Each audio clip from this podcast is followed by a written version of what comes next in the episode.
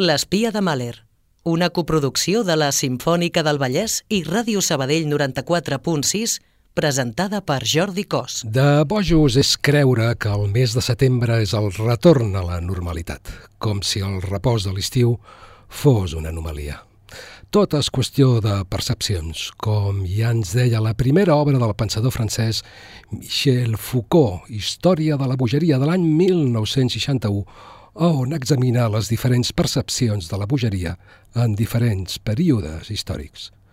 En resum telegràfic, en el context d'estricte cristianisme de l'edat mitjana, la bogeria es relacionava amb el pecat i la possessió demoníaca.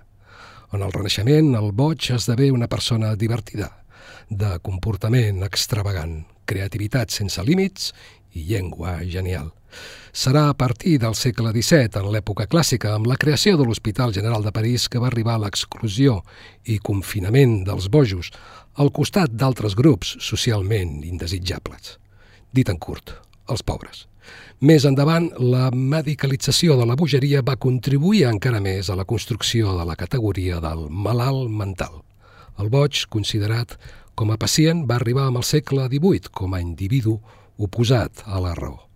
Avui, amb el suport assenyat de Rocío García al control tècnic, obrim nova temporada fent un homenatge a la bogeria del retorn a la anormalitat de setembre, escoltant música esbojarrada a l'espia de Mahler.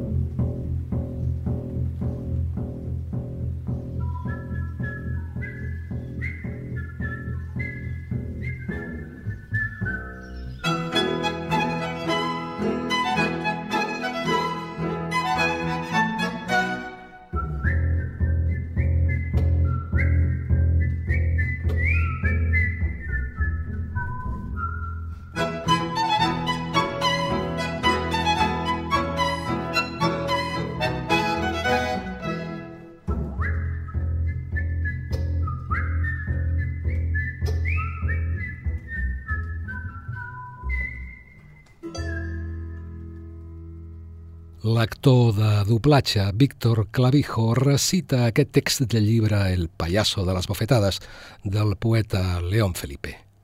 Ya no hay locos. Ya no hay locos, amigos. Ya no hay locos.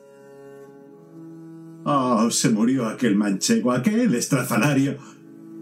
Fantasma del desierto. Ni en España hay locos. Todo el mundo está cuerdo terrible, monstruosamente cuerdo. Oíd esto. Historiadores, filósofos, loqueros. Franco, el sapo iscariote y ladrón. ¿Tienes un problema con Francisco Franco? Y lo tengo. Franco, el sapo iscariote y ladrón en la silla del juez, repartiendo castigos y premios.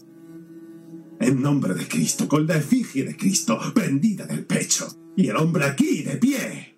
Firme, erguido, sereno, con el pulso normal, con la lengua en silencio los ojos en sus cuencas y en su lugar, los huesos, el sapo iscariote y ladrón, repartiendo castigos y premios, y yo, callado, aquí callado, impasible, cuerdo, cuerdo sin que se me quiebre el mecanismo del cerebro.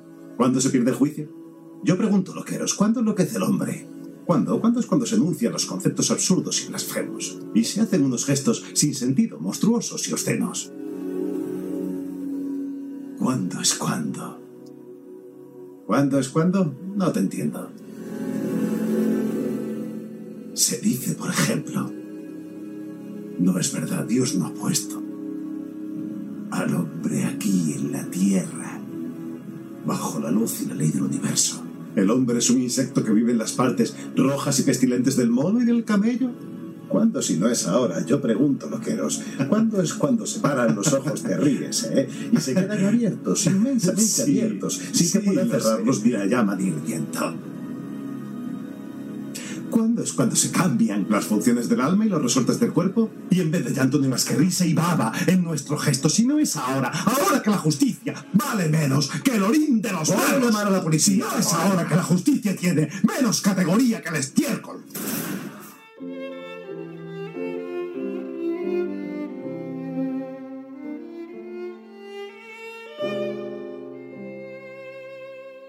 La nostra primera música esbojarrada ens du a una nit gèlida del mes de febrer de l'any 1854, quan el signant de la música que està acompanyant les meves paraules, el compositor Robert Schumann va ser desvetllat sobtadament del son per un clam imperiós de la seva ànima creadora. D'un salt va llevar-se del llit amb la passió ardent dins seu trontollant com un torrent. Les notes dins la seva ment van desfermar-se i així va néixer una partitura màgica, coneguda per tothom com les Variacions Fantasma, l'obra final de la seva vida, que Schumann completaria abans de ser confinat en les ombres d'una residència psiquiàtrica on moriria dos anys després. El 1854, la fúria maniaco-depressiva que afligia Schumann era un abisme insuportable. Sentia que les ombres de l'altre món l'envoltaven, algunes benignes i protectores, altres que, com espurnes maleïdes, el torturaven amb visions d'angoixa. I va ser aleshores que va néixer el nom, el nom de fantasma per aquesta tonada i les seves variacions. Schumann perjurar que el tema principal li havia estat mormolat en somnis pel fantasma de l'il·lustre compositor Félix Mendelssohn, traspassat pocs anys enrere. De la barreja de somnis i ànimes va sorgir aquesta obra mestra. Escoltem ara les mans virtuoses del pianista Igor Levit interpretant aquest tema angèlic que dona nom a les variacions, el tema del fantasma. Una tonada tan preciosa com l'esperit dels somnis.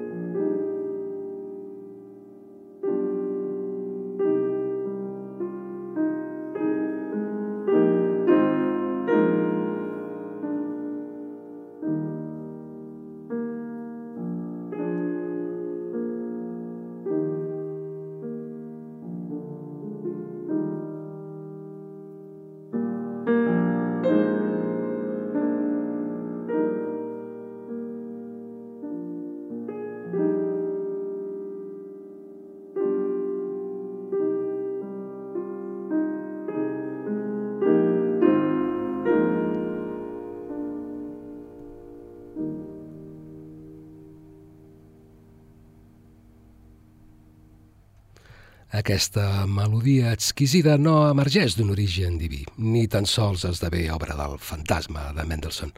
No, l'autor d'aquesta creació és el mateix Robert Schumann, qui no va saber identificar la tonada que havia compost uns anys abans. Aquesta melodia que avui reverbera amb tendresa ja havia teixit les seves notes dins d'algunes de les seves composicions anteriors, com el segon quartet per a corda o el concert per a violí, aquest darrer creat un any abans de les variacions Fantasma. El tema Fantasma tenia carn i ossos, com ara ens ho demostrarà el violinista Thomas Sedgmeyer. Un encant sense fantasmes.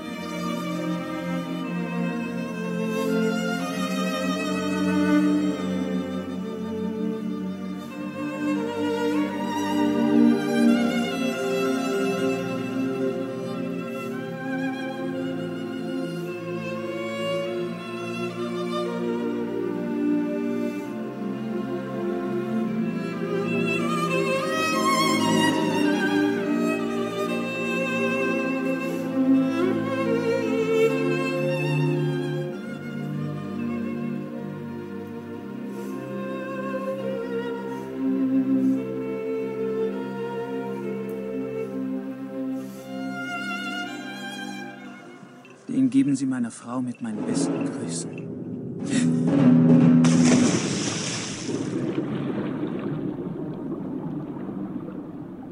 Aquesta era l'escena de la pel·lícula alemanya de l'any 2008, els darrers anys de Robert Schumann, que il·lustra just el moment en què Schumann va intentar suïcidar-se saltant a les aigües del riu Rin a la temperatura d'un mes de febrer del nord d'Europa. Schumann va ser rescatat per pescadors i internat en un sanatori a petició pròpia, on moriria dos anys després. Durant la seva estada al sanatori, el seu gran amic, el compositor Johannes Brahms, el visitava amb freqüència i després es reunia amb la companya de Schumann, la brillant pianista Clara Wick, per compartir els progressos de la malaltia, ja que els metges li havien aconsellat que no visités el seu marit.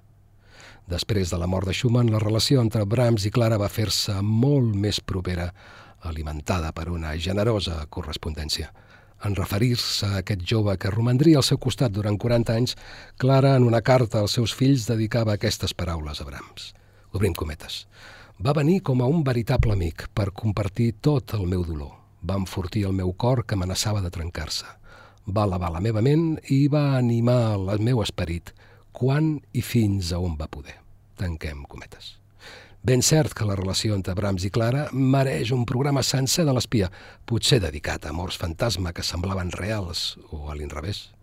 De moment recordarem les paraules que Brahms va escriure a Clara 30 anys després de les variacions fantasma, l'any 1874. Primer les paraules de Brahms i després expressades en música a través dels dits del pianista Nicolás Lugansky traduint l'intermezzo número 2 que el compositor dedicà a Clara. Obrim cometes. Permet que el meu amor profund et reconforti perquè et vull més que a mi mateix, més que qualsevol altra cosa en aquest món. Tanquem cometes. Ja veureu que convertides aquestes paraules en notes de música sonen molt millor.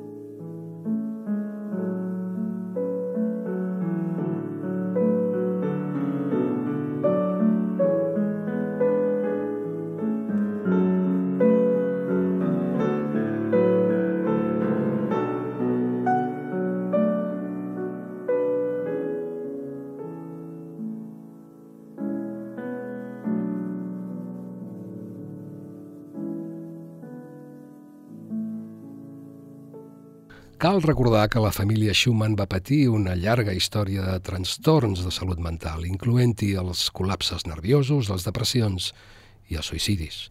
Això suggereix la possible influència hereditària en aquesta malaltia, i és que la personalitat creativa de Schumann i els signes de malaltia mental han estat analitzats per acadèmics i biògrafs.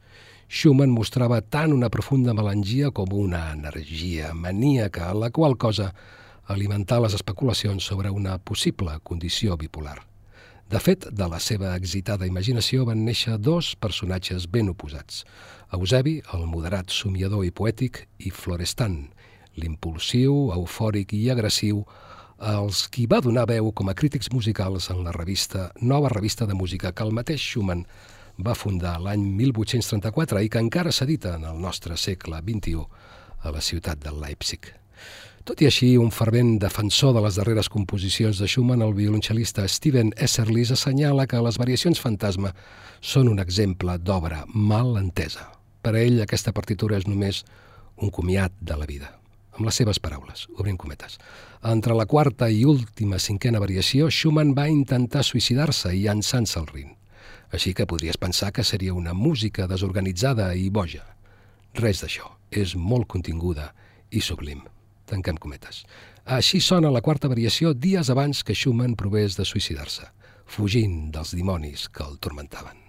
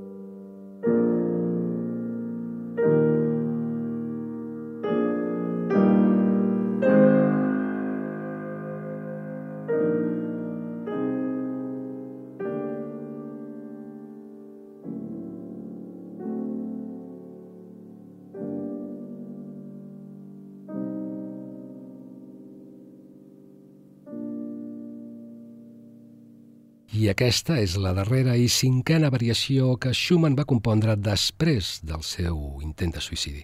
Si descobriu qualsevol signe de bogeria en aquestes notes, aixequeu la mà. I és que la música parla per ella mateixa. A través de la seva música, Schumann ens deixà un llegat extemporani que ressona com un crit silenciós de l'ànima humana, una prova de la seva profunda lluita interior i de la capacitat de l'art per transcendir la foscor més profunda de l'esperit. Les variacions fantasma com a testimoni de la nostra humana fragilitat.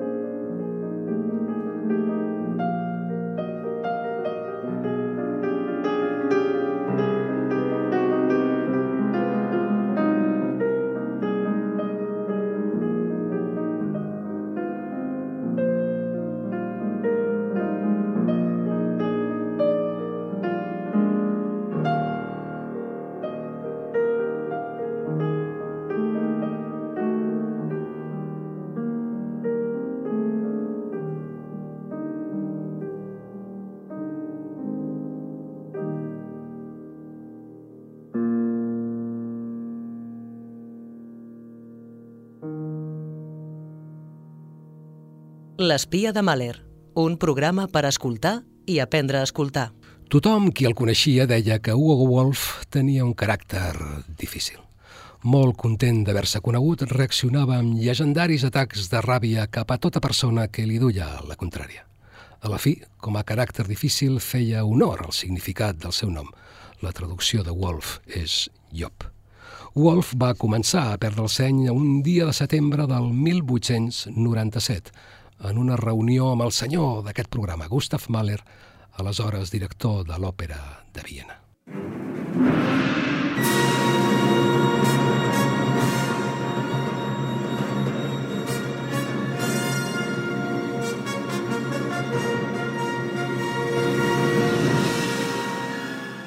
L'objectiu de la trobada era parlar sobre la programació de l'òpera de Wolf titulada El corregidor de temàtica espanyola. A Wolf li urgia l'estrena, però a Mahler, en canvi, no. Wolf roig d'ira va esclatar en insults i amenaces. Van caldre dues persones per expulsar-lo del despatx de Mahler. Aquell dia el seny de Wolf va accelerar el seu deteriorament pendent avall. A alguns amics, Wolf els hi va anunciar que ell era el nou director de l'Òpera de Viena i amenaçava d'acomiadar a tothom. I quan algú li recordava que el director de l'Òpera de Viena era Mahler, Wolf responia que ja l'havia acomiadat. Els amics, espantats per les seves al·lucinacions, van conspirar per internar-lo en un sanatori. La sífilis que patia també agreujà el seu estat mental. Wolf va morir al sanatori l'any 1903.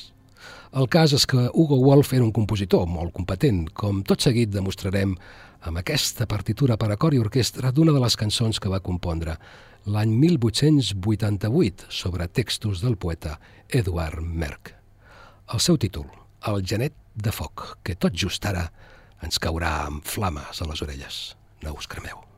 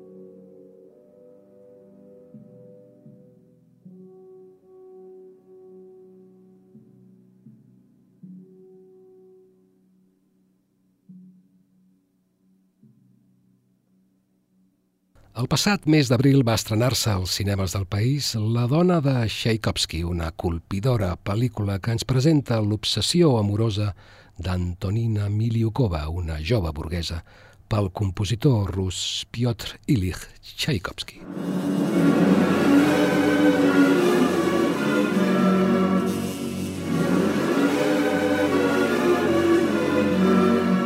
Narrada des del cor de la dona, la pel·lícula ens submergeix en el tumultuós matrimoni entre Tchaikovsky i Miliukova, un vaivé d'emocions que culmina en una separació traumàtica que deixà profundes cicatrius en l'ànima de Tchaikovsky i condemnar sense remei la fràgil salut mental de Miliukova.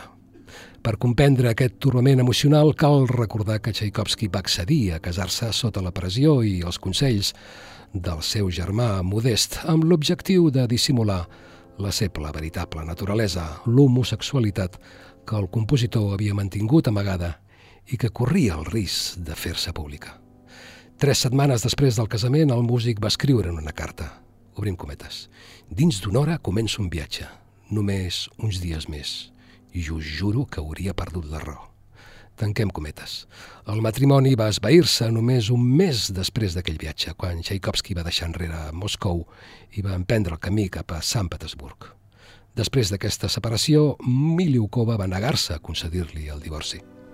Cinc anys més tard, després de la mort del compositor, l'any 1893, la seva encara esposa va ser confinada en un hospital psiquiàtric on va viure fins a la seva mort el 1917, l'any de la Revolució Russa. La vida, amb la seva cruel ironia, va tancar aquesta història de passió i desesperança amb un final patètic.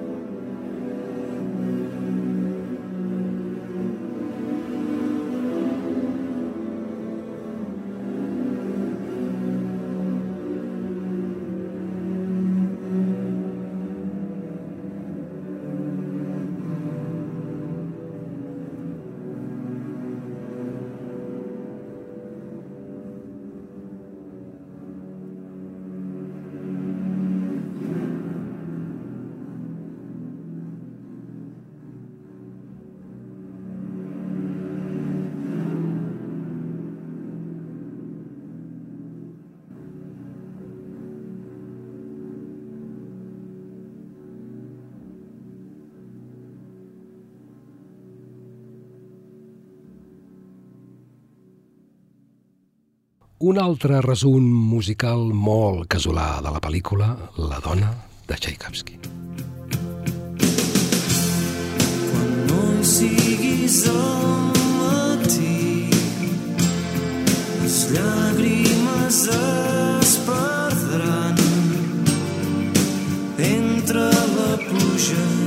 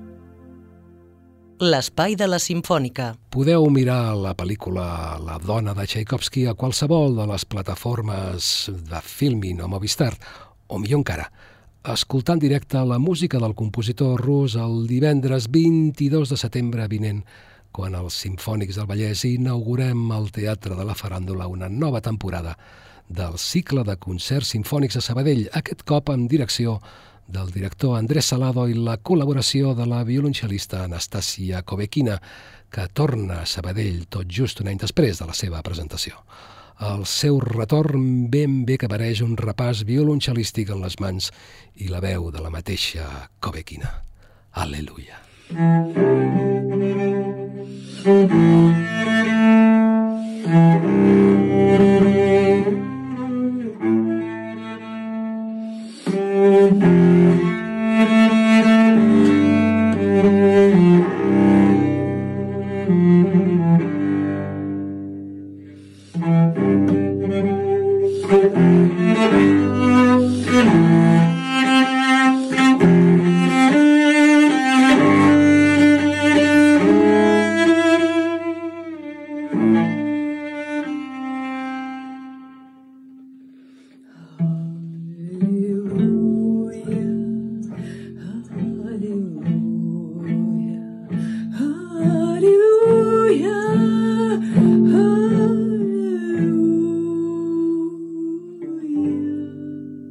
Kobequina interpretarà les variacions rococó per a violoncel i orquestra que Tchaikovsky va compondre tot just un any d'abans del seu malaurat matrimoni amb Miliokova.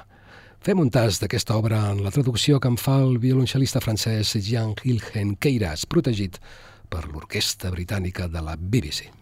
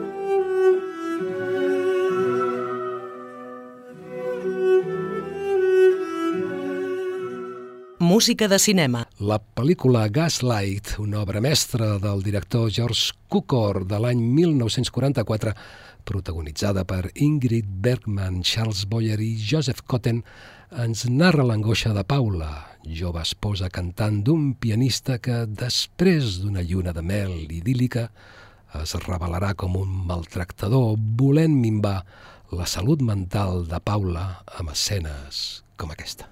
Gregory, Murió en un manicomio cuando tú tenías un año. eso no es cierto. He hecho indagaciones acerca de la hermana de Alicia Alquist. He hablado con el doctor que la asistió. ¿Te gustaría verle? Le he oído describir los síntomas. ¿Los quieres saber? No. Empezó insinuando cosas absurdas. Oía ruidos raros, pasos, voces. Y luego esas voces comenzaron a hablarle. Hasta que entró en una casa de salud donde acabó sus días loca. Por favor, no, no siga. Ahora tal vez comprendas el porqué de muchas cosas tuyas y mías. Y puede que también comprendas por qué no te dejo que recibas a nadie. A l'assaig Més enllà de les llàgrimes, el filòsof estatunidenc Stanley Cowell ens convida a submergir-nos en un viatge emocional a través de l'humiliació en les entranyes del matrimoni que la pel·lícula Llum de gas tan magistralment retrata. En aquesta història, la dona és condemnada a un destí sinistre, una tortura que la despulla de la seva pròpia essència. Cowell ens obre els ulls a aquesta intensa narrativa sobre la crueltat que pot arribar a ser part dels lligams matrimonials, provocant la reflexió sobre el profund impacte de les paraules i les relacions. Una de les músiques de Gaslight, Llum de gas, és la cançó popular irlandesa The Last Rose of Summer, la darrera rosa d'estiu, fent referència a l'àvia assassinada de Paula a la pel·lícula. Ens recorda ara la tonada la veu de Malmelada de Laura Bright. Tis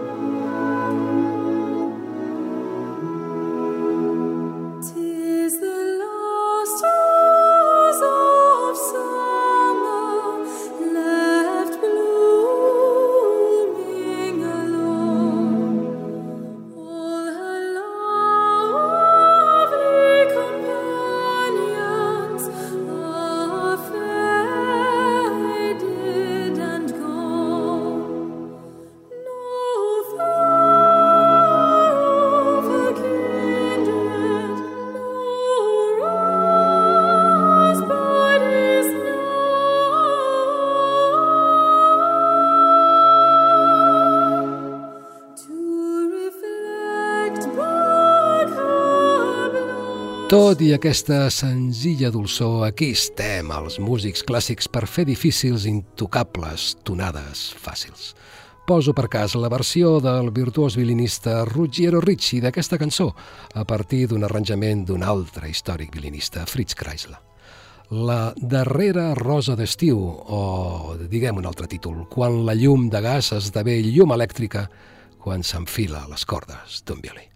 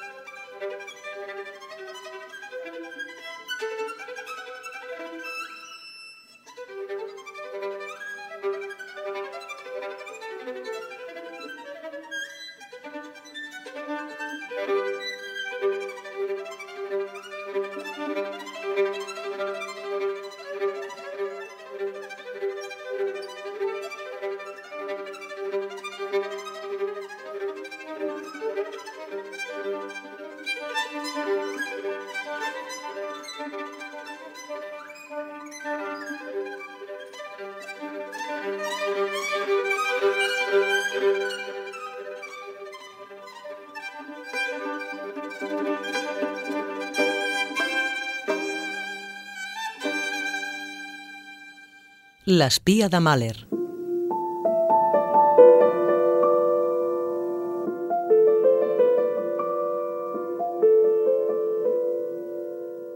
Una tarda plujosa de l'estiu dels meus 13 anys vaig decidir explorar la llibreria de casa. Vaig escollir un llibre gruixut, l'anuari de l'any 1973. En arribar al capítol del mes de setembre vaig quedar captivat per una imatge mig borrosa en blanc i negre que omplia dues pàgines senceres. Era la imatge d'un palau en flames que semblava bremolar amb la seva tragèdia. A peu de pàgina, una imatge més petita revelava un home grassonet amb ulleres, vestit de civil, amb una arma a la mà i un casc militar cobrint-li el cap, mirant cap al cel. El llibre gruixut duia un disc prim i petit que contenia els testimonis sonors dels protagonistes d'aquelles notícies que van marcar època l'any 1973. I la història ressonà dins meu. De manera més frapant, aquesta veu que sonava llunyana com la d'un esperit capturat en una psicofonia. Sigan ustedes sabiendo que mucho más temprano que tarde, de nuevo abrirán las grandes alamedas por donde pase el hombre libre para construir una sociedad mejor. perquè aquell palau en flames de la imatge era el Palacio de la Moneda de Santiago de Xile i l'home grassonet amb ulleres, el president Salvador Allende, víctima de la maldat dels bojos més perillosos del planeta, els militars i polítics psicòpates.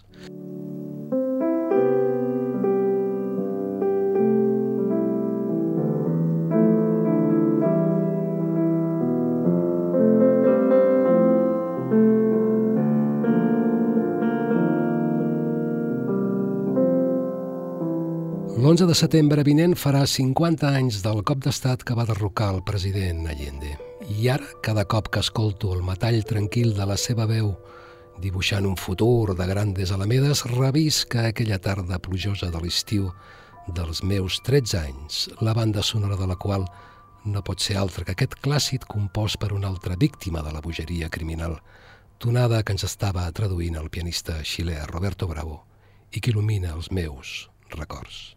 Et recordo, Allende, et recordo, Jordi, preadolescent, i a tu també, Víctor, que recordes amb música un nom que, com ens revela la seva arrel llatina, ressona com un cant a l'amor sota la pluja.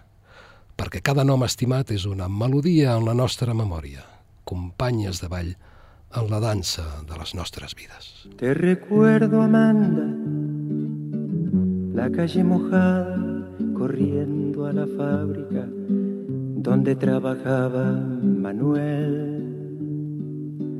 La sonrisa ancha, la lluvia en el pelo, no importaba nada, ibas a encontrarte con él, con él, con él, con él, con él. Son cinco minutos, la vida es eterna en cinco minutos Suena la sirena de vuelta al trabajo y tú caminando lo iluminas todo, los cinco minutos te hacen florecer. Te recuerdo, Amanda, la calle mojada, corriendo a la fábrica donde trabajaba Manuel. La sonrisa ancha, la lluvia en el pelo, no importaba nada.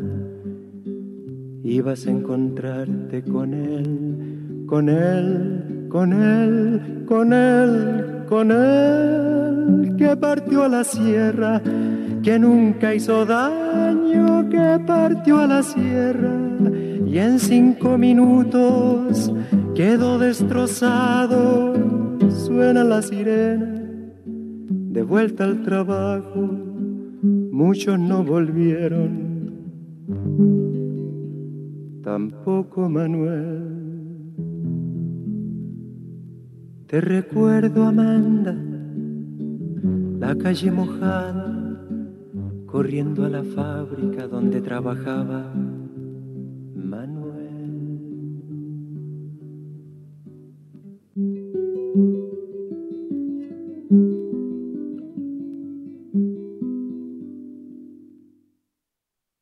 L'espia de mal era Ràdio Sabadell 94.6.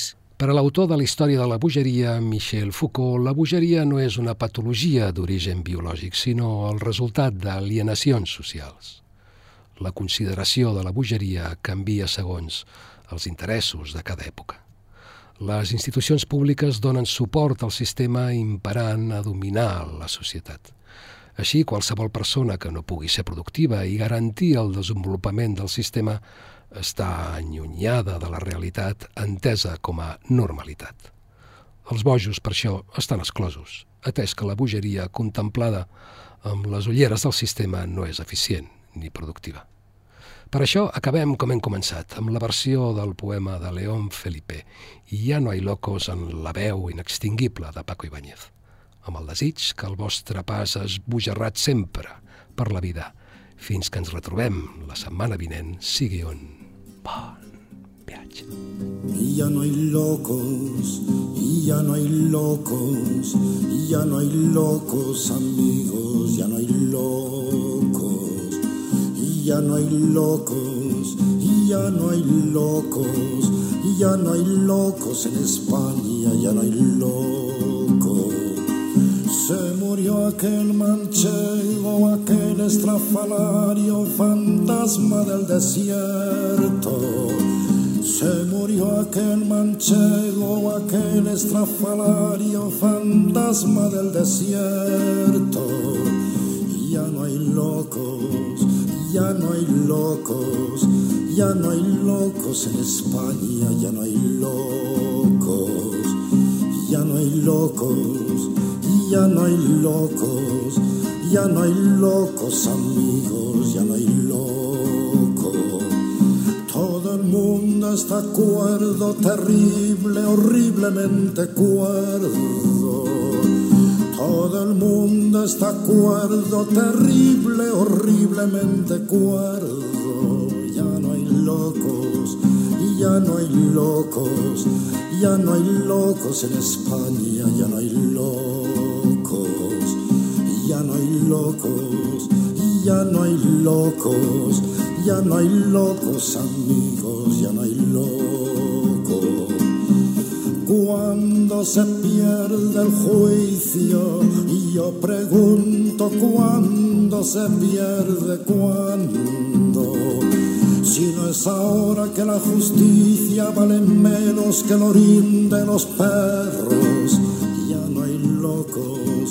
ya no hay locos, ya no hay locos amigos, ya no hay locos, ya no hay locos, ya no hay locos, ya no hay locos en España, ya no hay locos. Todo el mundo está cuerdo, terrible, horriblemente cuerdo. El mundo está cuerdo, terrible, horriblemente cuerdo. Ya no hay locos, ya no hay locos, ya no hay locos amigos, ya no hay locos, ya no hay locos, ya no hay locos, ya no hay locos en España,